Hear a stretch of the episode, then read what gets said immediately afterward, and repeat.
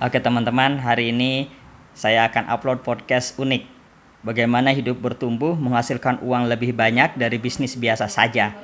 Bersama Mas Wira Sutirta. Iya, kacau loh. Ayo. Po, po, kuliti. Ya mau ngeras lagi. Jadi apa Iya. Yang membuatmu merasa itu salah? Jadi gini, aku dalam sejarah hidupku bang ya, Mm-mm. aku ini nggak eh, toh? apa ya, nggak nggak pernah yang namanya mendapat nasihat kehidupan dari orang tua itu nggak. Sama lah aku juga. Terus. Jadi Lanjut. orang tua itu memberi nasihat kalau pas pulang dari pesantren, ya, habis itu mau berangkat ke pondok lagi, pesannya cuma satu hati-hati, Ya. belajar. sudah itu aja. Tapi nasihat kehidupan, mencari rezeki nggak pernah. Ya nggak apa-apa. Nah, akhirnya kan kita mencari-cari sendiri. Ya. Aku itu termasuk orang yang nggak suka baca buku. Mm-mm, Ketemunya sama teman Ketemunya sama teman-teman aja yang berpraktek. yang berpraktek sama manusia-manusia. Sama Nah, manusia-manusia ini perilakunya seperti apa? Ya. Jawab. Jawab. Ya akhirnya aku ya belajar dari Iya, mereka itu perilakunya seperti apa? Berkompetisi, bertarung, mengatakan bahwa hidup itu susah. Kalau kau nggak kerja nggak makan, begitu kan? ya itu. Kalimat-kalimat itu toh? Iya. Nah, itu salah semua. Jadi, Wir, itu itu kan masa lalu. Biar saja nggak apa-apa. Cara hidup namanya. Salah dan benar. Kalau aku, boleh kau ambil, boleh tidak, terserah. Oh, Itu merah. mana yang cocok dan tidak denganmu mana yang sesuai dan tidak dengan filosofimu. Iya. jadi yang perlu kau cari tahu sekarang filosofi hidupmu itu seperti apa? Apakah kau berpikir mencari uang itu susah? Kalau kau berpikirnya seperti itu maka seumur hidupmu cari uang itu susah. Kalau kau berpikirmu bisnis kecil ini nggak mungkin membuatku kaya raya. Maka seumur hidupmu bisnismu tidak akan pernah membuatmu kaya raya. Kalau kau berpikir mustahil bagiku untuk bisa keliling dunia, maka seumur hidupmu kau akan selalu mustahil untuk bisa keliling dunia. Seberapa besar pun uang yang kau hasilkan, kau tidak akan pernah bisa keliling dunia karena kau mengatakan dalam dirimu mustahil bagiku keliling dunia. Jadi opportunity itu terbuka. Kalau kau merasa tertutup, ya nggak bakal terjadi apa-apa. Sehebat apa pun, sekaya apa pun hidupmu, kau nggak bakal menghasilkan uang untuk kebutuhan yang kau inginkan. Aku bisa kasih contoh banyak anak-anak, banyak kawan-kawan kita yang uangnya tidak sedikit, melimpah ruah tapi rumah saja nggak punya. Sederhana sekali. Karena dia merasa aku tidak mungkin bangun rumah, selesai urusannya. Hanya itu. Jadi kalau bertanya, apa yang sial dari hidupku ya? Kok susah sekali setiap harinya aku menghasilkan uang. Kalau transaksi cuma 100 ribu untungnya misalnya. Kalau kau merasa begitu dan kau merasa 100 ribu itu kecil, ya seumur hidupmu kau akan selalu melihat itu sebagai hal kecil. Kau tidak bisa membuat besar karena kau tidak menghargai hal kecil. Itu saja problemnya. Sekarang ubah sedikit saja. Aku pernah marahi kawanku, bukan marahin, dia kakak kelasku. Dia kalau lagi suntuk ke sini.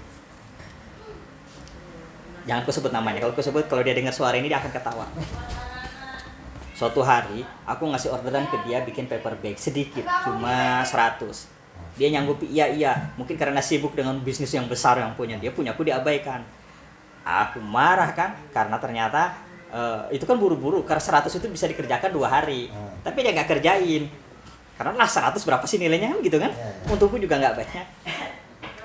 Datang dia ke tempatku. Kau ini menyepelekan kok aku bilang gitu. Enggak mas ini ini." enggak aku menyepelekan karena orderku cuma 100 jadi kau nggak urus kan? Hehe kata dia aku bilang begini sama dia. Ini loh mas. Ketika kita tidak bisa mengelola hal kecil maka mustahil hal besar bisa kau selesaikan. Ulangi lagi. Ketika kau tidak bisa mengelola hal kecil mengelola ngurus hal kecil maka hal besar tidak akan pernah terjadi dalam hidup. Aku keras sekali ngomong. Jangan begitulah kau mendoakan aku tidak bisa ngurus bisnis dong. Ya, bukan mendoakan. Itu itu pattern pola. Udah selesai. Udah aku minta maaf. Ya, aku bukan mi- minta bukan meng- meng- mengatakan ini agar kau minta maaf aku enggak aku bilang gitu. Aku ingin bisnismu jadi besar aku bilang begitu jadi kau perhatikan itu. Hal-hal kecil kalau kau tidak menghargainya maka hal besar tidak akan pernah datang dalam hidupmu. Sesederhana itu. Iya iya iya. Pokoknya pasti ku selesaikan berapapun orderanmu bukan itu poinnya maksudku. Aku jelasin dia. Bukan itu. Aku mau kau perhatikan bahwa sekecil apa pun sebuah transaksi yang sudah kau setujui itu harus diselesaikan dengan benar. Karena dengan bisa melakukan transaksi dengan benar, maka hal-hal besar, transaksi besar akan berdatangan ke tempatmu.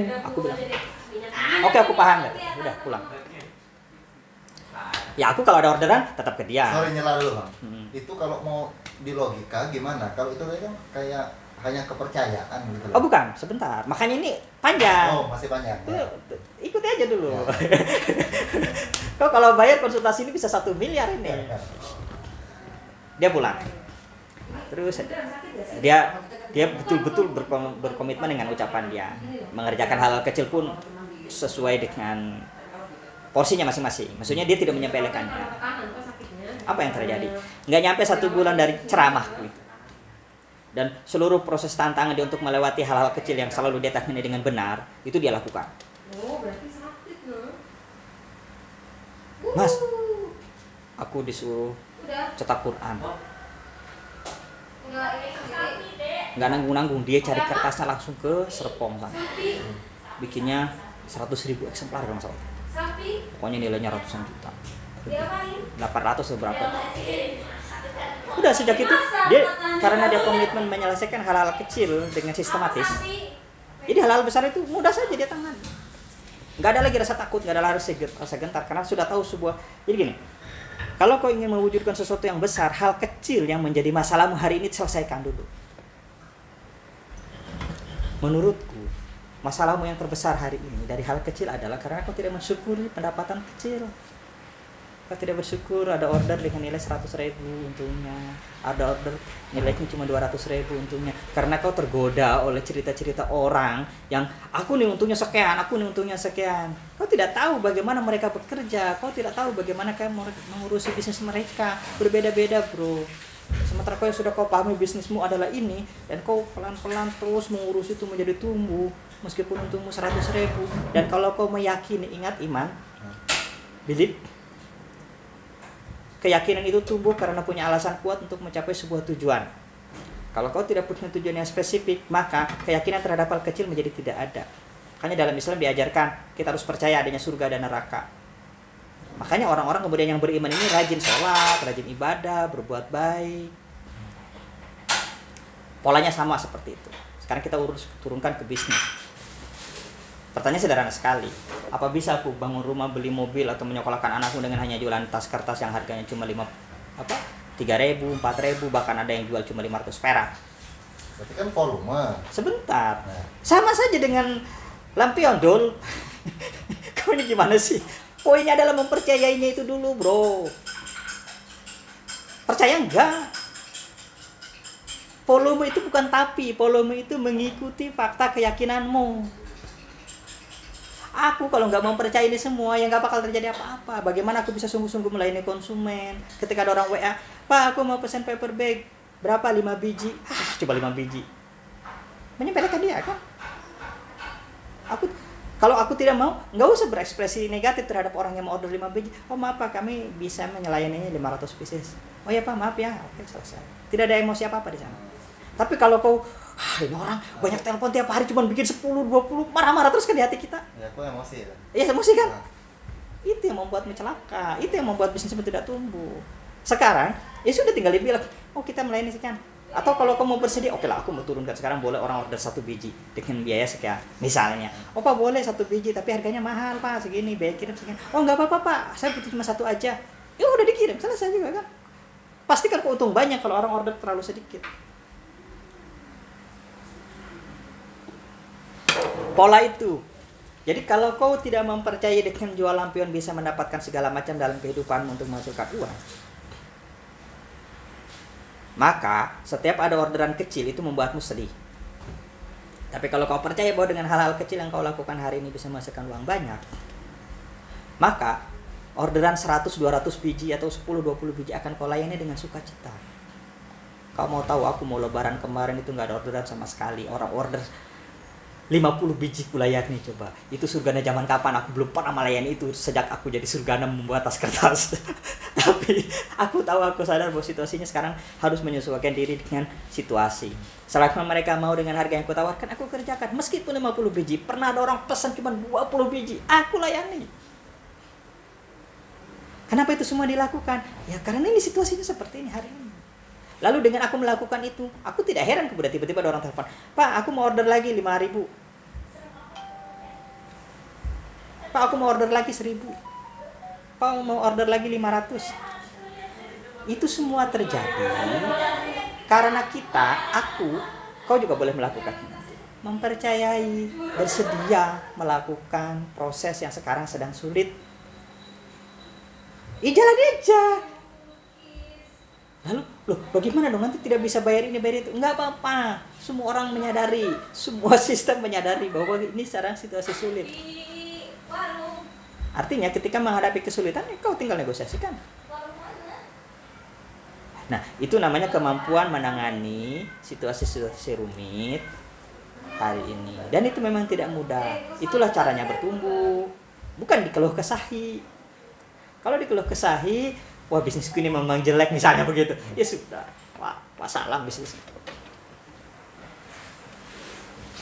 ya kita nggak anu aku itu nggak bermaksud meludahi bisnisku ya gimana yang aku masih mau makan dari situ kan enggak Meludahi ya. Jahat sekali karismatnya. Ya enggak lah, bukan meludahi. Enggak. aku nggak mengeluhkan itu aku tuh cuma mencari apa ya Cie, ini tuh di scale up gitu loh Mm-mm. jangan-jangan ada cara yang atau ada teori yang hanya karena aku nggak tahu gitu loh Apa itu? ya teori mencari uang itu tadi dari bisnis dulu kan aku memahami yang namanya kita jualan ini kalau jualan satuan harga harus ditinggiin kan Hmm. kalau mau untung Nah, atau jual murah tapi volumenya tinggi Hmm. gitu. Nah, aku memahami itu. Nah, aku tuh selama ini kan melayani perorangan-perorangan gitu. Mm-mm. Orang ya beli. Aku kan ada baru jual barang lagi bang. Kain noren namanya. Mm. Nah, itu kan untungnya seratus ribu, dua ribu. Mm-mm. Gitu loh. Tapi Tapi kan order orang satu gitu loh. ya nggak apa-apa. Terus? Nah, aku itu kalau mau order sekali banyak kayak tas kertas misalkan orang order misalkan ya nggak nyampe ribuan lah karena nggak mungkin kayak orang ribuan orang order untuk apa ya ya itu kan puluhan aja lah puluhan tapi belum ketemu nih tipe apa namanya pembeli seperti apa yang bakal beli kalau untuk produk seperti itu Mm-mm. Nah, kalaupun misalkan dijual sat apa namanya eh, satuan gitu, satu orang beli satu, belum ketemu juga caranya piye dia ini biar bisa repeat order gitu loh. Ya. Eh, nih. Itu bagus namanya cara berpikir bertumbuh untuk mewujudkan konsumen eh, lebih loyal segala macam. Itu kan cara berpikir modern. Ya, ikuti saja jalani. Tapi itu jangan membuatmu stres. Jangan membuatmu terbebani ketika itu tidak terwujud. Santai aja. Makanya yang poin utama adalah berapa ingin uang kau masuk setiap bulannya ke kantongmu. Sekian. Lakukan apa yang kau bisa. 20 juta Kal- terwujud-wujud ya kalau bulan. kalau aku bilangnya ngoyo nah sekarang pertanyaannya kenapa 20 juta itu belum terwujud juga? Sekarang dari 20 juta yang kau inginkan yang terwujud berapa? 10 nyampe? Ya nggak tahu lah mungkin 8 gitu ya. 8 gitu ya berarti kurang tinggi. Ganti sekarang 100 juta sebulan dari jualan lampion sekarang. Kau jangan ketawa.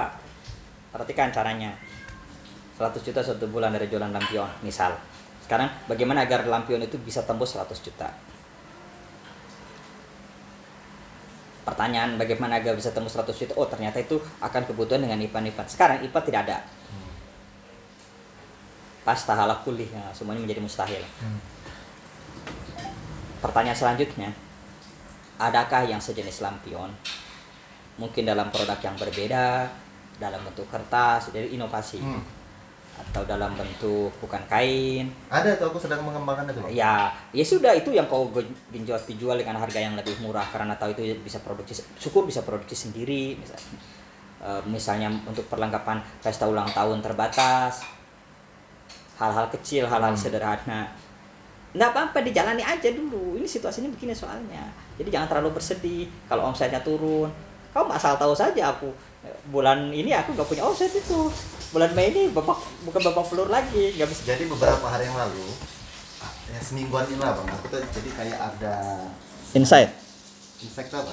insight Semangat gitu ya, motivasi. bukan insight itu kesadaran baru wah ini bisa ini Ah, itu bang.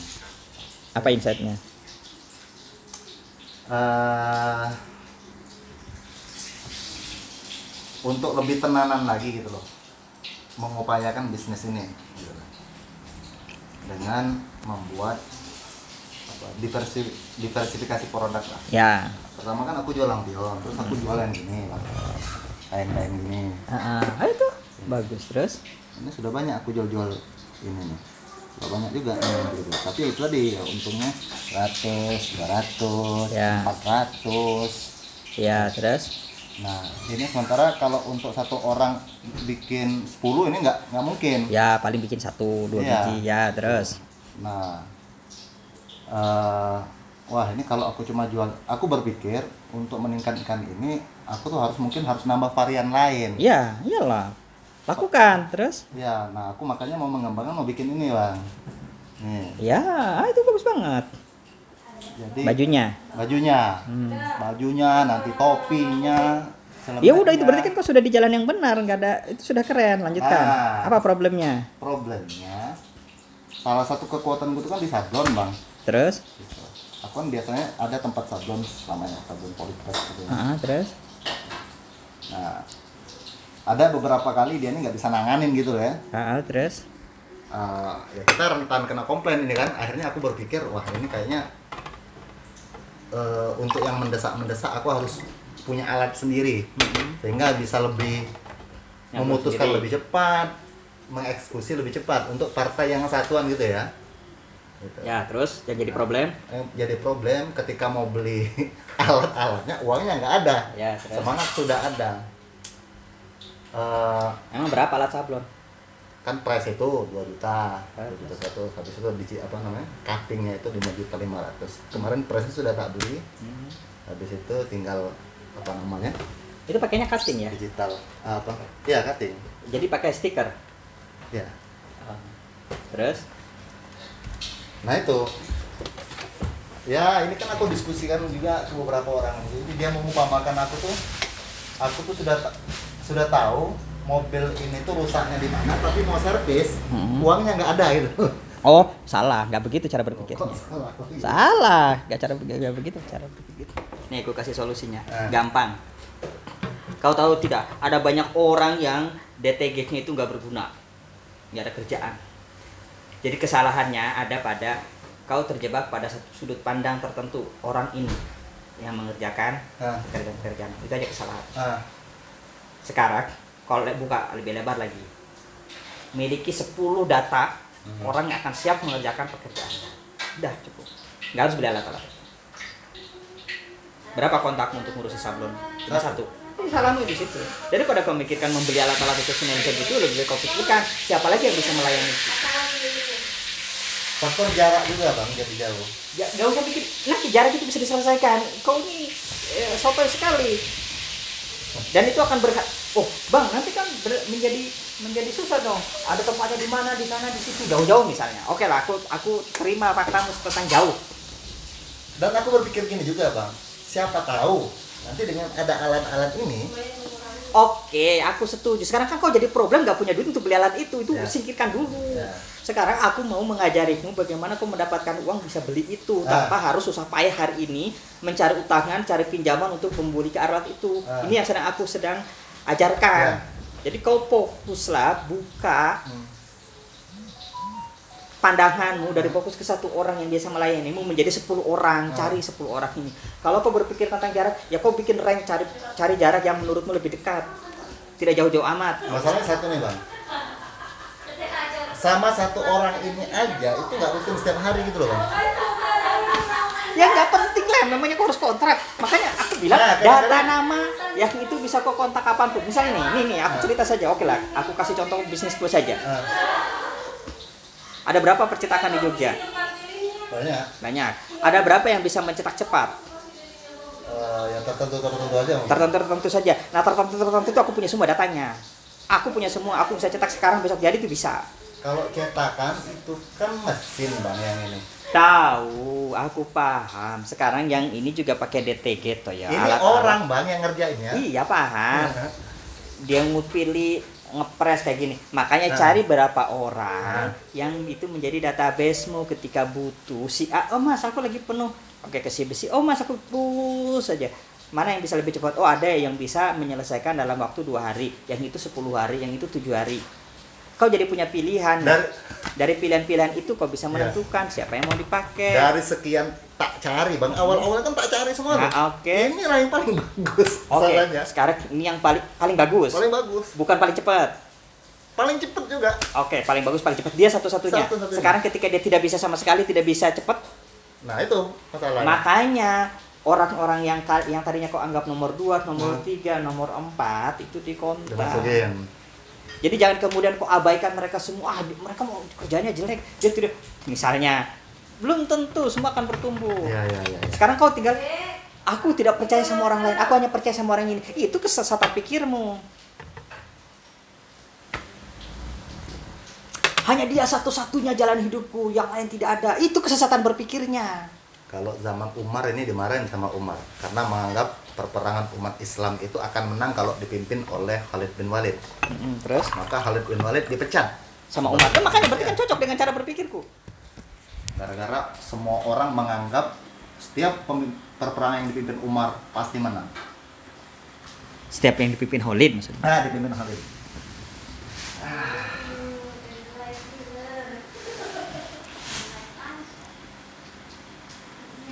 Pokoknya kalau ada duit sama Tapi itu tetap akan aku beli bang.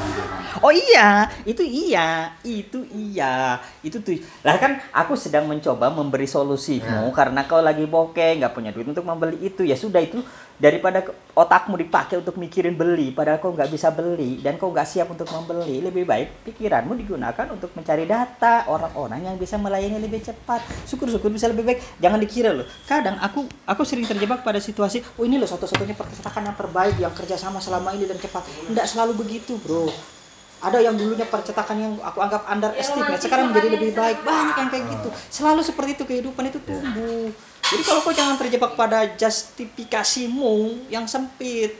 Makanya aku bilang kau buka matamu lebih luas lagi. Terimalah fakta-fakta bahwa seorang orang ini tumbuh lebih baik setiap waktunya. Iya, iya. bukan berarti kau kemudian menegasikan orang yang melayani selama ini menjadi jelek. Bukan. Bahwa ketika situasi tertentu oh terpaksa aku harus pindah order. Pindahkan nggak apa-apa. Dan nggak perlu izin-izin sama dia yang dia sedang sibuk kok. Paham maksudku kadang kan ada orang yang berpikir aku udah terbiasa kerja sama sama dia berarti aku akan menyakiti perasaan dia dong. Ya kalau kau merasa begitu tinggal bilang mas ada pekerjaan yang aku buru-buru. Bisa nggak? Oh nggak bisa mas. Oke aku cari yang lain. Oh silakan mas. Nah, sesederhana itu kehidupan.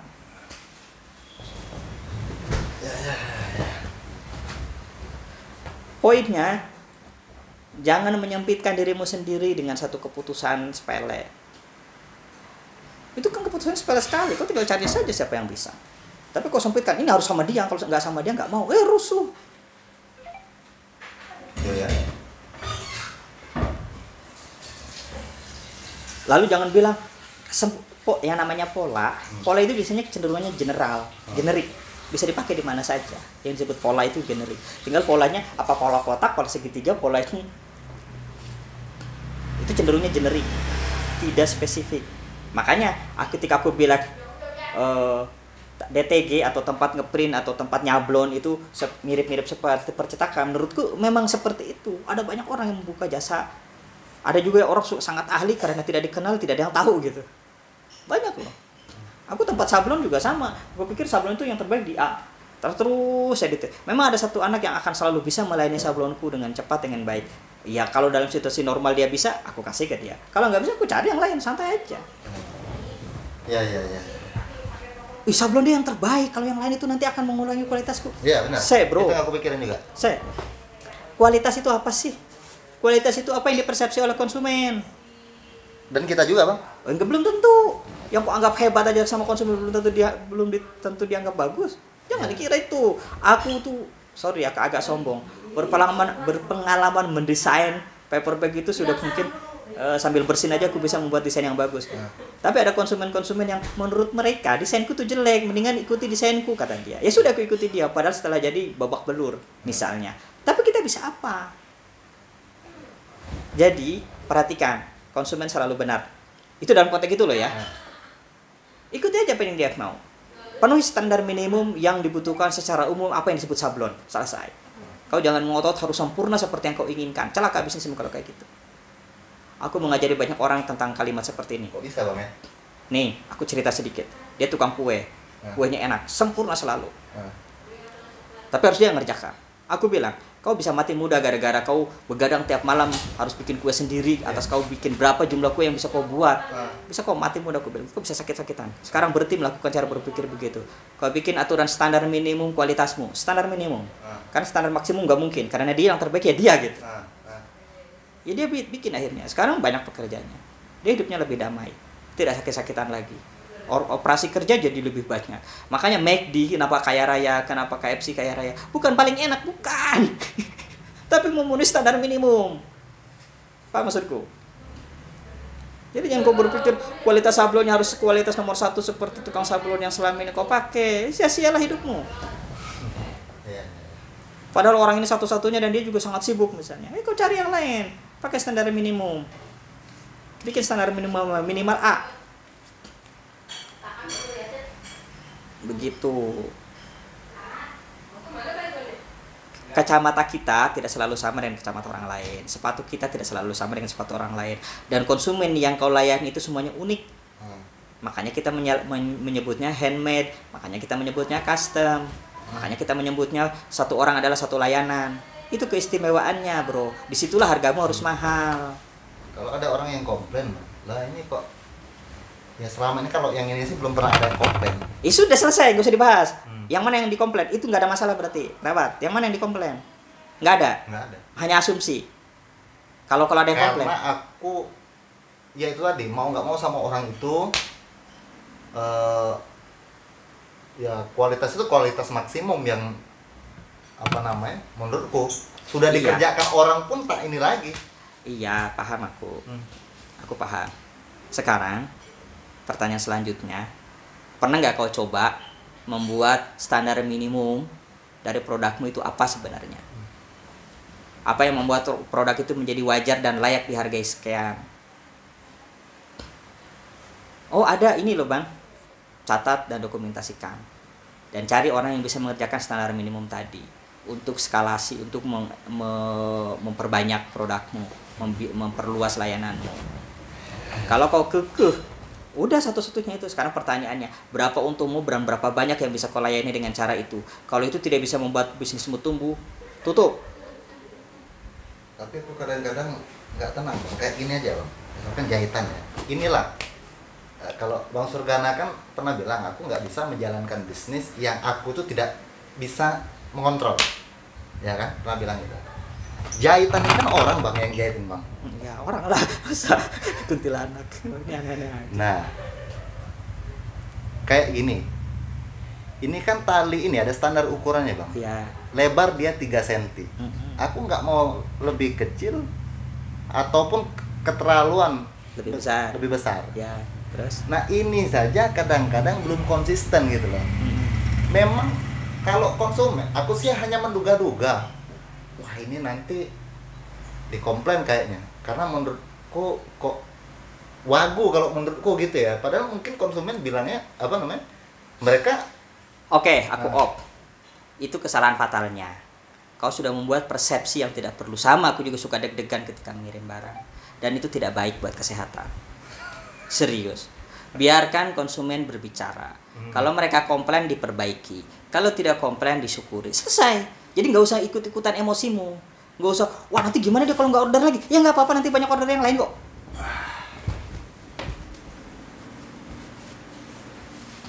jadi kayak menyepelekan gitu gitu bang. Hah? Kayak menyepelekan Menyampaikan siapa? ya menyepelekan sesuatu apa namanya itu yang ideal yang menurut kita ini seharusnya bisa Oh, oke. Sekarang aku kenapa mengatakan ini semua? Tujuannya satu. Kau datang ke sini ingin menghasilkan uang lebih banyak. Itu persepsiku. Jangan-jangan Ya. bukan. Benar nggak? benar Benar. Karena kau ingin mendatangkan uang lebih banyak, the idea, ide, selalu merujuk pada idealisasi tertinggi dari apa yang kita pikirkan. Lalu kau menurunkannya dalam konstruksi pekerjaan yang paling ideal menurutmu adalah A. Ah, Begitu kan? ah. Ternyata dalam perjalanan yang bisa mengerjakan A persis seperti yang kau inginkan hanya ada satu orang. Hmm, Itu ideal menurutmu hmm. dan ada konsumen yang bisa dan ada eh, partner yang bisa memenuhinya. Sekarang pernah tidak kau mencari tahu apa sih yang disebut ideal oleh konsumen? Tidak selalu pada produknya. Hmm. Aku berani mengatakan itu. Ya. Ada yang bagi konsumen ideal adalah aku bisa menerima barang itu lebih cepat dari yang aku minta. Hmm. Ada juga konsumen harus sempurna seperti yang aku mau. Ada juga yang konsumen aku senang dilayani Sama. dengan keramahan. Perhatikan, kita sebut tiga aja dulu, nggak usah banyak-banyak. Tiga ya dulu. Ideal ini ada tiga biji. Kau bisnismu adalah bisnis custom, perseorangan, komunikasi personal. Cukup memenuhi standar tiga ini. Gak harus kau berpikir semuanya harus sama, kualitasnya harus sama. Mati hidupmu. Gak ada yang banyak custom itu sama itu gak bisa. Kau kalau jahitan harus sama semuanya 3 cm padahal ada saja yang kemudian 2,7 misalnya. Kau menyusahkan pengrajinmu. Ya, ya, ya. Aku bukan menyepelekan, bukan. Aku sedang berpikir, melihat, mengkonstruksi kau ingin memenuhi kebutuhanmu agar skalasi bisnis menjadi lebih besar. Tidak ada kesempurnaan dalam kerjaan handmade titik. Tidak ada. Semua yang dikerjakan handmade pasti dan tanda ada cacatnya. Karena itulah kemudian orang-orang di luar negeri menjadi lebih suka handmade. Karena itu ada sentuhan manusia. Itulah yang harus kau komunikasikan. Kalau kau mau sempurna semuanya sama, pakai mesin. Karena mereka yang kerjakan robot. Kalau manusia di sana ada unsur emosi, ternyata salah jahit dia perbaiki lagi. Gila itu luar biasa. Itu nilai estetikanya. Kalau semuanya sempurna, kau masuk ke dunia mesin.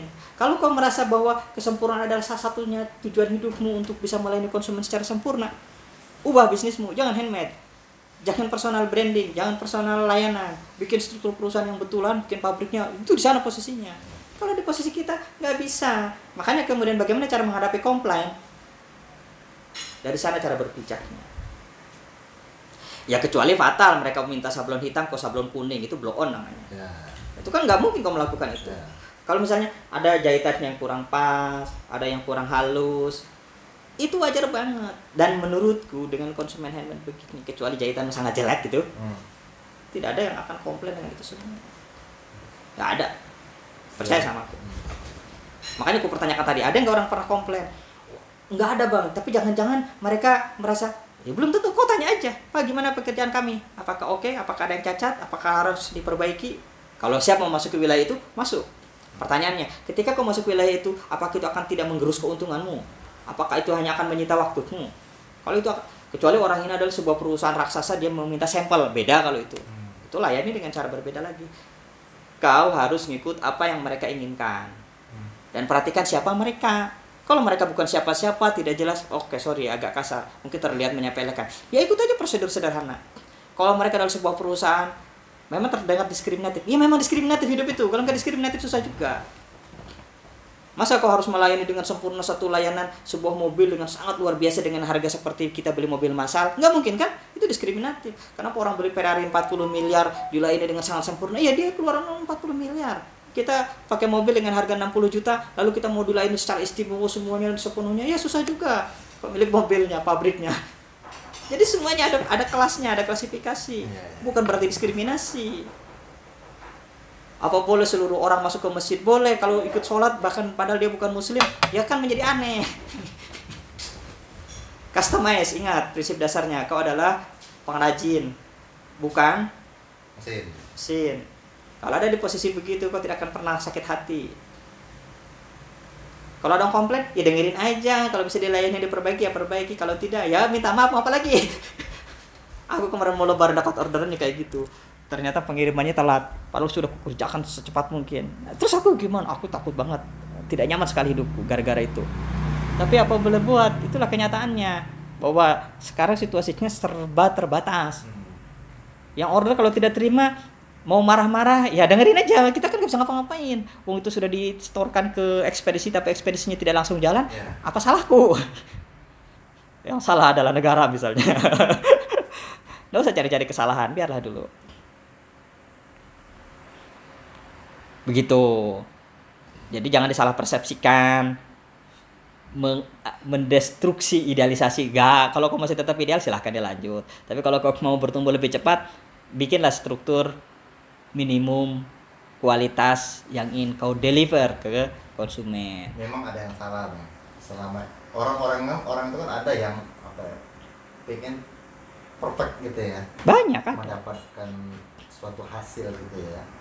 Nah, akhirnya terbawa kan ada or- karena standar orang itu ya itu itu beda-beda iya aku kalau soal jahitan memang agak anu ya jangankan untuk yang dijual yang untuk diri sendiri aja nggak semuanya ngerasa cocok gitu lah Iya, makanya jangan menerapkan sepatumu ke sepatu orang lain. Makanya lihat dulu, oh ukur sepatumu berapa, sekian, nomor berapa, sekian. Oh, kau kan yang akan paham.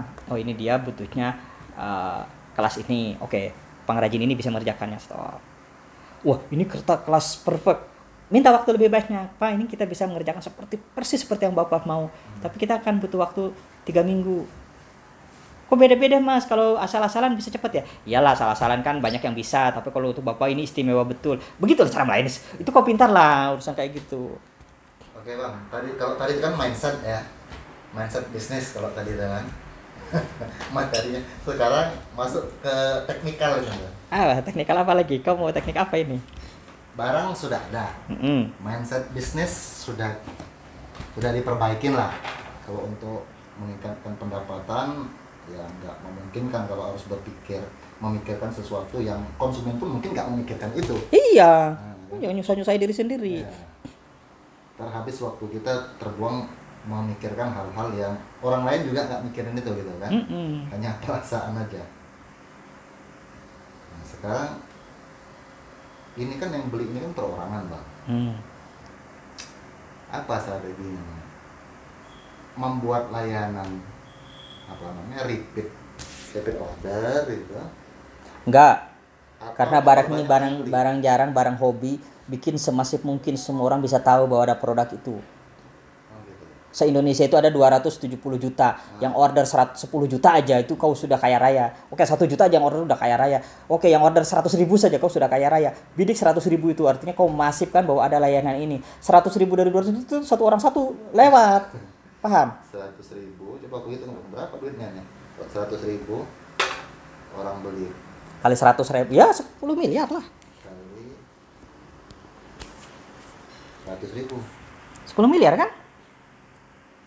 M iya bang udah kaya bang Makanya sekarang sekarang daripada kau mikirin nggak usah mikirin repeat order, pikirkan konsumen baru sebanyak-banyaknya Ya, bahwa ya. dari dari dari konsumen baru yang datang itu ada ada apa namanya? Eh, ada yang repeat order itu disyukuri. Repeat order itu adalah rezeki tambahan. bonus gitu ya Iya. Apalagi repeat order itu ternyata bikinnya pabrikasi, jumlahnya besar-besar. Kau bisa bikin pabrik dari situ. iya iya berarti konsumen baru aja Udah, selesai. Selesai ya. Nah, ini konsultasinya saya akhiri dengan Mas Wira eh, yang saya rekam. Mungkin dia akan masih banyak bertanya, biarlah. Karena menurut saya bisnis bukan sekedar tentang menghasilkan uang. Kalau bagi saya, bisnis adalah membuat kita bahagia. Karena itu, kadang hal-hal yang bersifat pribadi, eh, emosional, ikut terlibat di dalamnya. Dan itu sebenarnya membahayakan bisnis kita. Mari kita pikirkan cara berbisnis yang lebih menyenangkan. Terima kasih. Bersama saya Surgana dari taskertas.net. Untuk tahu lebih banyak tentang saya bisa baca di surgana.net. Oh ya, saya sudah punya aplikasi baru podcast Surgana. Cari di Google. eh, sudah live hari ini. Terima kasih. Wassalamualaikum warahmatullahi wabarakatuh.